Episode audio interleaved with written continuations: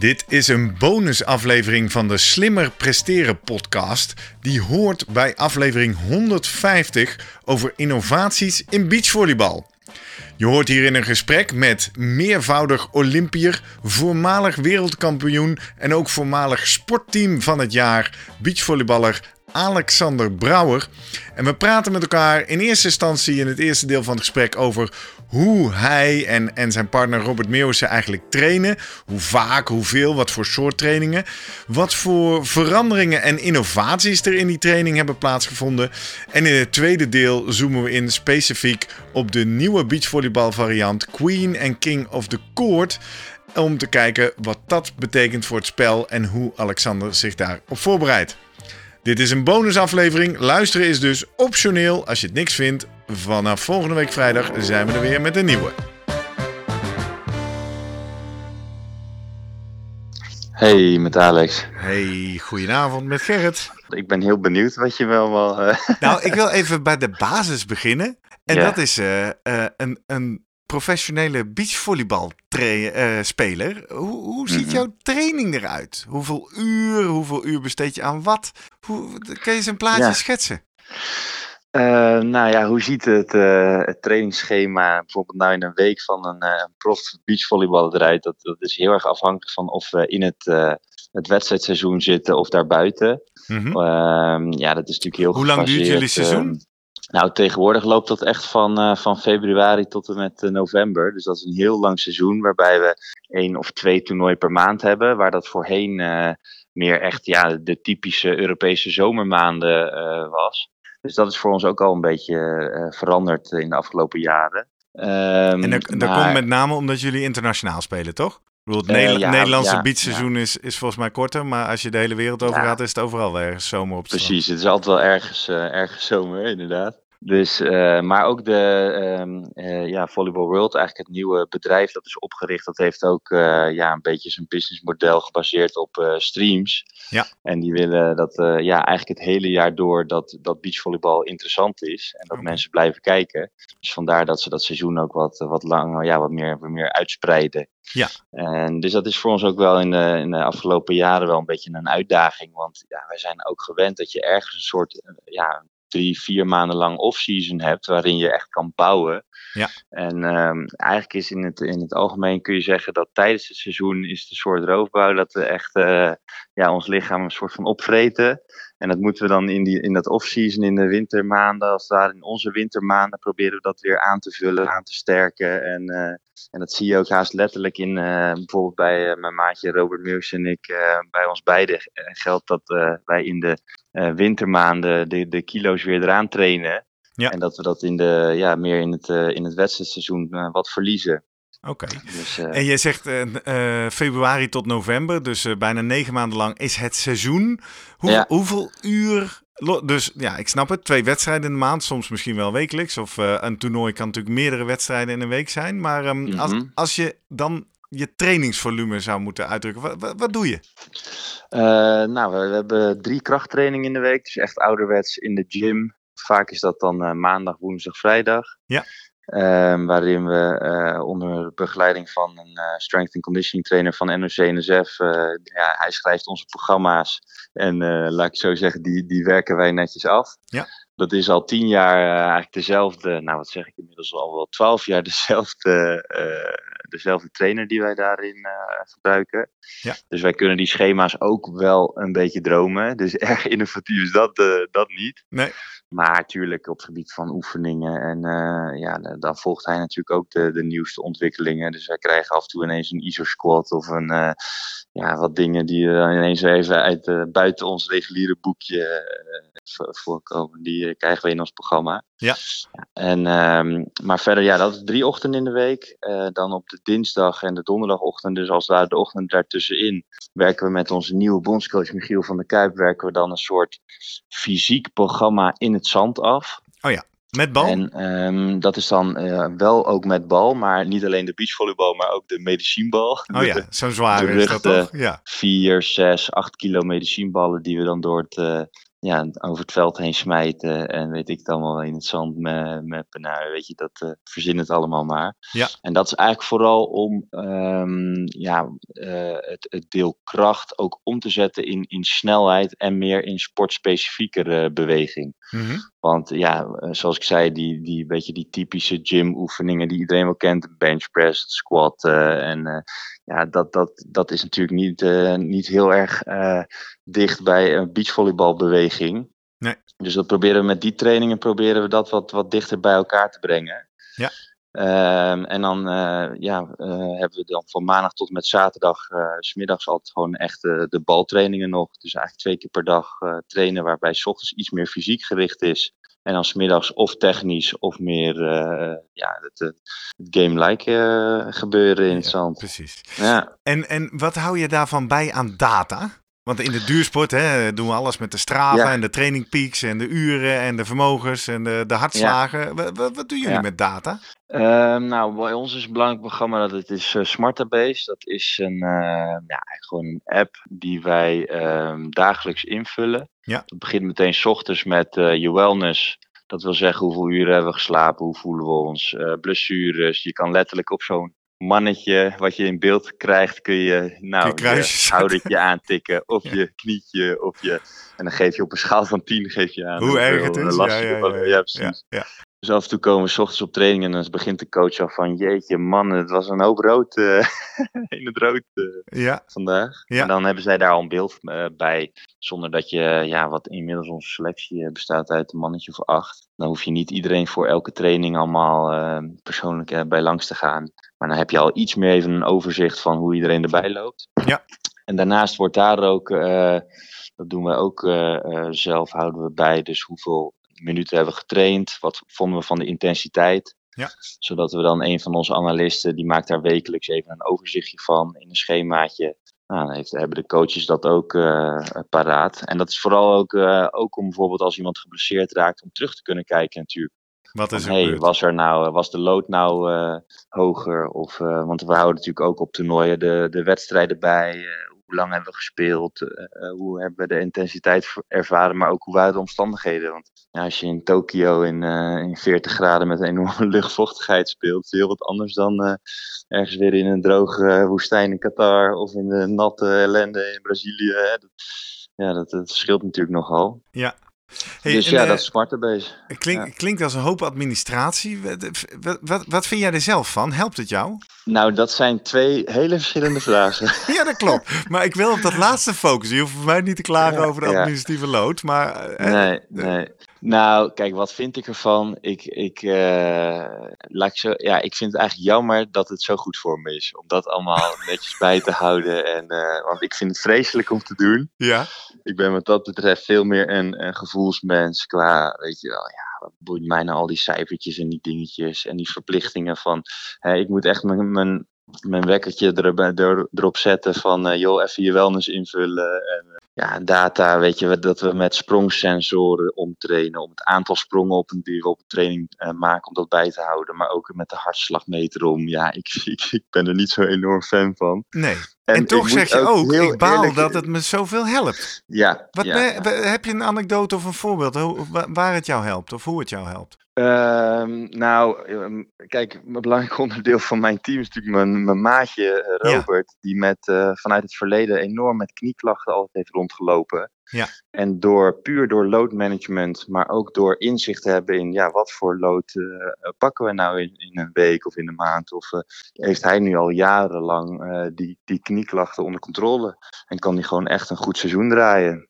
Dus dat is wel, eh, ja, daar, Dus jij zegt, mijn partner 13 eh, gaat beter af. spelen. Ja, ja, ja. ja. Ja, en en ja. heb je voor jezelf er ook al iets uitgehaald? Of is het voor jou eh, een moedje? Nou, het, het, is, het is inderdaad wel een moedje. En ik kan niet één meteen zeggen van... oh, hier eh, heeft het me echt iets opgeleverd. Of, eh, maar ja, ik, ik denk dat je dat eerder aan de coaches kan vragen... dat die dan kunnen uitleggen van... nou, hier heeft het Alex zo geholpen. Ja, dat precies. je dat... eh, nee, ja, ja. Ja.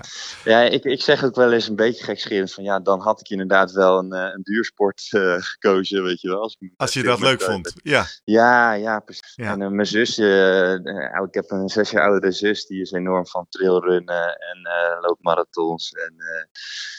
En die, die zegt dan bij alles, wat, zelfs als ik een rondje ga suppen, zegt ze, waarom staat het dan niet op Strava? ja, precies. Strava, man, dat kijk ik nooit op. Dat, uh, daar ben ik dan niet Nee, dat is niet jouw ding. Want als ik net jouw trainingen hoor, uh, je begint met krachttraining, dan uh, sportspecifieke krachttraining en dan nog veel met de bal en op het veld. Ja. Waar is conditietraining een onderdeel? Ja, ik snap dat als je heel veel uren door het zand rent en zeker met, met, met zo'n zware bal, dat dat conditioneel zwaar is. Maar doe je nog specifiek iets aan, aan aerobe basis of, of dure training? Nou, vrij weinig dus. Wij hebben heel weinig dat we uh, echt uh, langdurig op een fiets zitten. Of uh, dat is dan altijd natuurlijk wel met, met intervallen. Maar een wedstrijd duurt bij ons ook echt maximaal een uur. Mm -hmm. en nou ja, dan heb je een, speel je een toernooi, dat is maximaal vier dagen op rij. Waarbij je dan zes, als je het echt goed doet, zeven wedstrijden speelt. Ja. En dat zijn uh, ja, altijd rallies van, uh, ja, wat is het, 12 tot 15 seconden met uh, dezelfde hoeveelheid aantal seconden ertussen door rust. Dus het, het is een hele ja, specifieke belasting waar, waarbij wij ja, niet echt veel op, op de fiets of niet veel hardlopen. Of kijk, voor een stukje basisconditie, tuurlijk, uh, doen we ook, draaien we ook onze cardio-programma's wel af. Ja. Maar dat is altijd vrij kort. 20 en, minuten warm fietsen. Op een, op een wattbike, ja, ja, precies. ja, precies, that's it. Ja, nee. Ja, ja ik snap dus het. dat, nee, niet heel veel. Nee. En, en zie je nog, los van wat we net al noemden, hè, dat data loggen en bijhouden, zie je nog andere belangrijke veranderingen in die tien jaar dat jullie aan de top staan? en dan specifiek als je het over nou, innovatie waarop je traint. Of, uh, ja, ja, precies. De veranderingen daarin. Um, nou ja, sowieso. Kijk, in het spel zelf verandert er een hoop. Uh, als ik zeg over sprongbelasting, uh, dat wij dat uh, bijhouden, managen. Maar je krijgt nu nieuwe teams. Dat zijn dan 19, 20-jarige jongens die alles ook in sprongsetup doen. Dat wil zeggen dat je niet alleen in je aanval een sprong maakt, maar ook nog in het het aanspelen van de setup, ja. het ware, dat je die ook in sprong doet. Ja, dat is allemaal weer. Uh, en, dan, en die zie ik gewoon allemaal, uh, nou ja, nog zonder uh, metingen of die hebben nog geen idee, weet je wel. Dan denk ik, oké, okay, dat gaat dus speltechnisch, tactisch gaat dat stappen enorm weer vooruit. Ja. Maar qua analyse of qua uh, data verzamelen of uh, hebben zij echt nog geen idee, weet je wel. Dat staat er nog in de kinderschoenen. Dus dat, dat vind ik dat is wel interessant. Maar bij ontwikkelingen bij onszelf, ja, wat ik, wat ik zeg, uh, zoals met dat werken met smart database, wat we nu een aantal jaren doen. Ehm, maar ook, uh, ja, ik weet nog dat we voor het eerst vanuit de paardensport die sprongsensor gingen implementeren bij beachvolleybal. Nou, dat, ja, oké, okay, het is al een paar jaar geleden, maar dat, uh, ja, dat zijn dingen die uh, voorheen, ja, laat ik zeggen, in de tijd van Richard Schel en Reine Numerdor was dat absoluut nog niet aan de orde. Nee, precies. Ja, dus dat, ja, hey, en als we dan, en jij zegt ontwikkeling in het spel. dit voorbeeld, je refereert denk ik aan de Zweedse Europees kampioenen hè, die dat uh, veel ja. doen. Um, ja. Dan is er ook een nieuwe spelvariant na een aantal, uh, sinds een paar jaar. Het uh, King and Queen of the Court spel. Ja. Hoe, hoe verandert dat wat er van jou als beachvolleyballer geëist of gevraagd wordt? Nou ja, met, met Queen en, en King of the Court is het heel interessant dat daar wel de, de conditionele prikkel heel anders is. Omdat in dat spelformat uh, word je eigenlijk gedwongen om een soort van de hele tijd te haasten. En dat is, aan de ene kant is dat voor het publiek is dat ontzettend leuk om, om te zien. En het, het levert hele lange rallies op. Want eigenlijk is iedereen de hele tijd een soort van back-off. maar uh, ja, het is weer een hele andere prikkel dan wat wij in het uh, traditionele beachvolleybal krijgen. Ja, en wat betekent dat voor jou of jullie? Nou ja, voor jullie kan je niet antwoorden, want de anderen zijn anderen. Maar wat betekent dat voor jou als speler, die gehaastheid? Uh, nou, aan de ene kant is het soms fijn, want je hoeft juist niet heel erg tactisch bezig te zijn, want je weet eigenlijk helemaal niet welke tegenstander je tegenover je hebt uh, staan. Dat is, elk punt is dat namelijk weer een andere tegenstander. Mm-hmm. Dus je hebt niet een uitgebreid tactisch plan van tevoren. Nou, dat, dat vind ik over het algemeen wel lekker spelen, want je focust gewoon op jezelf. Je denkt niet aan de tactische analyse of de videobespreking die je van tevoren hebt gedaan. Of uh, weet je wel, Um, dus dat, dat kan prettig zijn. Maar aan de andere kant, de muziek blijft keihard aanstaan. Uh, ja, de rallies gaan natuurlijk achter elkaar door. Dat, ja, het is gewoon, het is anders. En uh, ik kan me ook wel, ja, het is een soort tikkende tijdbom. Hè? Want je moet natuurlijk een aantal punten halen binnen een bepaalde tijd. Je ziet ook die tijd echt, die klok zie je langzaam aftikken natuurlijk. En dat levert gewoon ja, meer stress op. Als jij in je laatste staat, Je Ja. weet dat je nog eh, minstens drie punten nodig hebt om door te gaan. En je ziet, hup, oh ja, het is 1 minuut, eh 1 minuut 30 en die klok blijft maar tikken. Ja, dat is natuurlijk wel. Wat, eh, wat doet dat met je spel? Ja, als het goed is, dus niet veel. Dan, als, het goed is, als het goed is, heb je ook helemaal niet eens door dat die, die, die, die, die klok tikt. Hoewel je hem tactisch ook wel weer wat moet gebruiken. Maar nee, het is nou, vooral conditioneel. Weet je, in het begin hadden wij ook niet echt door dat je. Ehm, nou, op een gegeven moment, eh, bijvoorbeeld de eerste ronde speel je met vijf teams. Ja. En dat als jij eh, nou, op een, een, laten we zeggen, een punt of tien staat, dan weet je eigenlijk al dat je doorgaat. Want er is maar één van die vijf teams die afvalt. Ja. Maar ja, in het begin, eh, joh, dan, dan wisten we dat niet. En dan gingen we maar door. En dan in dat eerste rondje, dan haalden we soms 20, 25 punten. En dan, nou, dan gingen we dat rondje door. Maar vervolgens dat, die, in de ronde daarna ben je met vier teams over. Maar ja, dan heb jij net 25 punten op rij. Heb jij aan Gespeeld. de kant gestaan en, en op rij gespeeld. En dan, man, ja, dat is toch wel even eh, ja, pittig dan. Alex, dit is mijn Ja. allergrootste vraag als ik hier naar kijk. Want als relatieve buitenstaander bij het beachvolleybal denk ik... hey, dit is interessant. Volgens mij moet je nu je uithoudingsvermogen als tactiek gaan gebruiken. Maar ik weet niet of ik dat zie. Misschien zie ik iets over het hoofd, maar wat, wat, wat, eh, wat is jouw reflectie daarop als speler? Ja, dat, ik, ik denk ehm, dat sowieso veel spelers daar nog niet echt op een tactische manier mee, eh, mee omgaan. En je hebt stiekem ook altijd nog weer, ehm, bijvoorbeeld de longest stay wordt dat genoemd. Ja. Dat je een prijs krijgt voor als je juist weer de langste serie aan punten weet te maken aan die eh, Kings kant als het ware. Aan Ja. de, de kant waar je de service ontvangt. Ja, dus, Dus één keer speelt dan 13 soms punten pakken kan de moeite mee. zijn. Maar eh, Ja, als je ja, hem eenmaal hebt hè, in, de, in de poolfase kun je daarna wel stoppen toch? Nee, nou oké, twee, twee dingen uitrafelen. Wat is het effect van vermoeidheid op het beachvolleybalspel? Ja, dat is, eh, die, die, die impact is, is behoorlijk groot. Als jij echt bijvoorbeeld buiten adem een rally begint. Ja. Dat is eh, nou alleen al voor je. Kijk, eh, en een, een, een tactisch spel. Het, heel, de, de technieken komen best wel nauw. eh, eh, ja, dat, dat, dat, dat is ontzettend in je nadeel. Dat zie je ook in, eh, als we in orde spelen, waar het. eh, ja, gewoon echt wel behoorlijk eh, heftige omstandigheden zijn. Zoals een keertje in Rome op een toernooi waarin we op Foro Italico in een soort, nou dat leek wel een soort gladiator eh, pit, weet je wel, een Ja. soort oven. Ja. Geen zuchtje wind, knijtertje warm. En je zag iedereen in diep zand. En dat wil zeggen heel zwaar zand. Ja. Dus waarin het als stroop voelt, weet je wel. Zoals de leek wel eens door de duinen strompel. Nou, zo zag het beachvolleybal er ook een beetje uit. Ja, dat, alleen, eh, wat ik altijd maar zeg, het, het fijne is dat je weet dat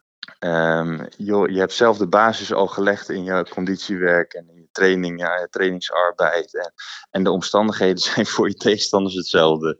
Ja, Dus precies. eh. Maar dan heb je het weer over, over specifieke, eh, het, het normale beachvolleybal, zeg maar.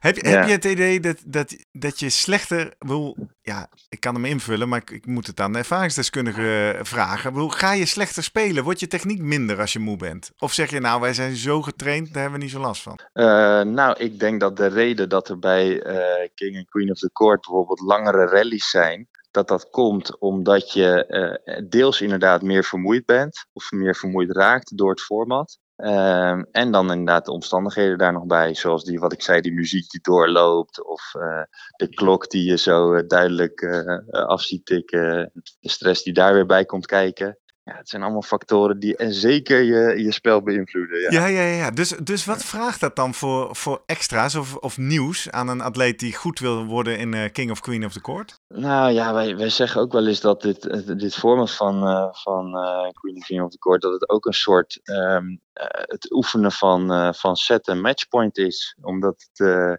toch heel vaak onder druk, elk punt is belangrijk. Dan kom je eindelijk een keer naar die, eh, die overkant waar je punten kan scoren. Dan voel je meteen die druk van, ja, daar, daar moeten we ook echt dit punt maken. En natuurlijk is dat iets wat je in, eh, in sport een beetje wil buitensluiten. En niet het moeten, maar nou, vanuit je taakgerichtheid eh, je acties maken. Alleen, ja, dat komt natuurlijk altijd bij kijken. Ja. Dus je speelt eigenlijk veel meer onder druk. En, en wat, Ja. wat doe jij om daarmee om te gaan? Hoe, want je hebt ook in finales gestaan, je hebt op Olympische Spelen gestaan, heb je die druk ook. Nou, hier in King of the Ja. Court kom je dat voortdurend tegen. Wat, wat is Ja. jouw methode of middel om... om... Nou, ik heb bijvoorbeeld in, eh, ik kan me een rondje herinneren dat wij in een, dat was een play-off van King of the Court in Utrecht. En dat was het laatste rondje. We waren met drie teams over. En zou nog maar één van die drie teams uh, zou doorgaan. Nou, je snapt dat als je met drie teams overblijft en je moet ook nog dat doordraaien hè, naar de, naar de. Nou, dat, dat is echt vermoeiend. Je gaat achter elkaar door. Je speelt continu rallies. Ik weet wat ik heb gedaan, is gewoon gezegd van joh, als wij aan die Kingskant komen, als ze op mij serveren, ik, ik pomp gewoon elke bal op die positie in het veld. Ik hou het heel simpel voor mezelf en dan zie ik wel waar het schil, schipstrand. Bijvoorbeeld ja. zo, weet je, het heel simpel maken. Ja, het spel versimpelen. En, en heb je dan ook nog in, in, die, in, die kolkende, in dat kolkende stadion wat het in Utrecht was, en die muziek en die sfeer en het entertainment tijd om dat nog even met je partner te overleggen en af te stemmen? Hoe, hoe werkt dat bij dit spel? Ja, dat is ook bizar. Soms horen we elkaars calls niet eens. Dat wil zeggen, ja, je, je coacht elkaar natuurlijk ook op bijvoorbeeld wat voor setup je wilt. Of, uh, en uh, dat, dat, dat, hoor je soms niet eens, joh. Als het, uh, als het echt goed losgaat qua publiek en qua muziek. En nou ja, dan wordt communiceren wel wat, wat lastiger. Maar wat dat betreft is het weer fijn dat, dat mijn maatje en ik al 13 jaar samen Ja, precies. Dat zit er wel in. Tra trainen jullie specifiek voor King of the Court? Uh, hebben we nog niet veel gedaan. Nee, nee. Nee ik denk aan, uh, volgens mij, als ik jou zo beluister, moet je spelen met noise cancelling headphones, toch? Dat je elkaar niet meer hoort. en je moet ja, wat meer op conditie, of niet? Wat, wat zou jou, als je zo reflecteert op jouw ervaring tot nu toe, als je specifiek voor dit spel zou willen trainen, wat, wat zou je dan toevoegen? Um, nou ja, als je veel gewoon al in dit format speelt, dus je raakt gewend aan het. Kijk, normaal wisselen wij natuurlijk maar pas om de zeven gespeelde punten van kant. Ja. En hier kan het zijn als je met drie teams over bent, dat je de hele tijd hup, naar die kant van het veld en weer terug naar deze kant en weer naar die kant. Ja, door dat te trainen, door gewoon veel in dit format ook uh, oefenpotjes te spelen, uh, dan raak je daar gewoon beter aan gewend. Alleen, uh, ja, het is natuurlijk nog een beetje zo dat onze coaches hebben hele duidelijke doelen krijgen ze vanuit NRC-NSF, vanuit de Nivobo. Uh, die gaan vaak over de Olympische Spelen. En daar past dit format uh, Queen and King of the Court soms wat minder goed in. Ja. Dus onze coaches zijn niet heel happig om uh, heel vaak dit format te draaien op trainingen. Ja, want dat is wel spannend. Heb jij het idee Um, in, in de sporttheorie en de sportwetenschap wordt er veel gezegd over uh, van prikkels en, en verschillende sporten doen, word je betere atleet van. Heb jij het idee dat het, het specifiek spelen van King of Queen of the Court, dat het jou ook helpt in je, nou, quote-unquote, normale beachvolleybal? Nou, ik, ik vind alleen al vanwege het plezier wat ik, uh, uh, wat ik wat ik elke keer weer heb als ik uh, King of the Court speel. Dat ik, ik vind het, uh, het is natuurlijk gewoon uiteindelijk gewoon beachvolleybal. Maar dan op een manier waarin je, uh, ja, weet je, iets, ietsje, nou, toch wel vrijblijvender natuurlijk als het in Nederland is. Of het, nou, het gaat ook om, om de knaken, weet je wel. Dan, je maakt het echt wel belangrijk. Mm-hmm. Maar het is heel wat anders dan elk toernooi wat wij spelen, waar het gaat om Olympische kwalificatie. En uh, ja, dus het is vaak wel iets meer met een lach en met een geintje en een grap en een grol. En ja. uh, dat vind ik juist zo geweldig aan, uh, aan King of the Court. Dat het uh, even jij, iets meer met een knipoog dus, is. Als, als ja. ik goed naar je luister, hè, we hebben het over het, het vergt veel van me conditioneel. Ik moet meer in het moment spelen, want ik, ik kan al mijn tactische analyses kan ik niet eens aan beginnen. Want ik weet niet ja. tegen wie ik speel. Ik hoor je ook zeggen, communicatie moet intuïtiever. Um, ik kan me voorstellen dat dat elementen zijn, als je daar goed getraind in raakt, dat dat je ook helpt in een Olympische kwartfinale, wil ik maar zeggen. Um, nou, dat weet ik niet. Nee? Dat zou kunnen. Jij oh. mag die verbanden leggen, maar dat... Maar jij herkent dat niet? Nee, ja, dan moet ik nee, natuurlijk bij jou nee, toetsen, want anders zit ik hier te filosoferen op de bank. Nee, nee, dat, het zou heel mooi zijn. Uh, je kan het zeker als, als, als een training gebruiken. Maar ik, uh, nee, dat, dat weet ik gewoon echt niet. Als, dat, uh, als dat op die manier bijdraagt. Nee. nee. Ervaar jij in ieder geval nog niet zo? Nee, nee, precies. Hey, en denk je nou dat dit... Um, is dit een, een nieuwe variant? Is dit het beachvolleybal van de toekomst? Of is dit nou, nu even geinig en dooft ook weer uit? Hoe, hoe zie je de toekomst van dit spel? Nou, ik, ik, ik zie de toekomst van King of the Court heel rooskleurig in. Want ik, ik zal zelf ook eerlijk toegeven dat als ik uh, op een, nou, laten we zeggen, regulier toernooi ben, ga ik ook niet heel vaak op de venue naar een wedstrijd kijken. Uh, maar zodra we bij King of the Court zijn, dan ga ik ook echt vaak al eerder eventjes uh, naar het stadion toe om toch een paar rondjes uh, te kijken en dat live mee te maken. Want ik vind het echt geweldig om te zien.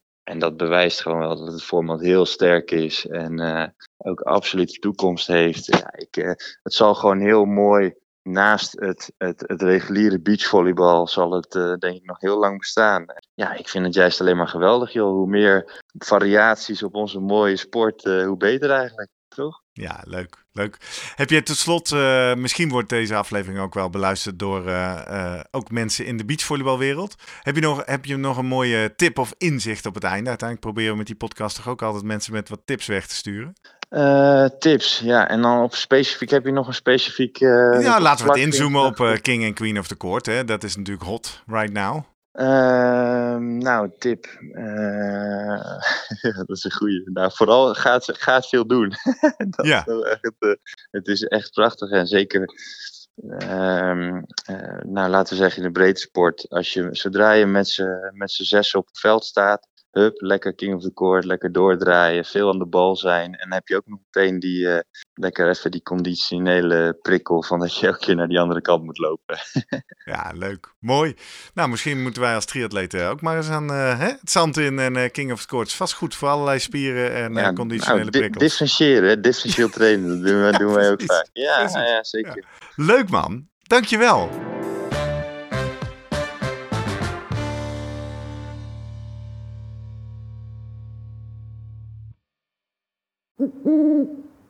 Hey. Voordat je weggaat, denk er nog even aan uilentorenloop.nl. Dan zien we je de eerste zaterdag van juni. Tot dan!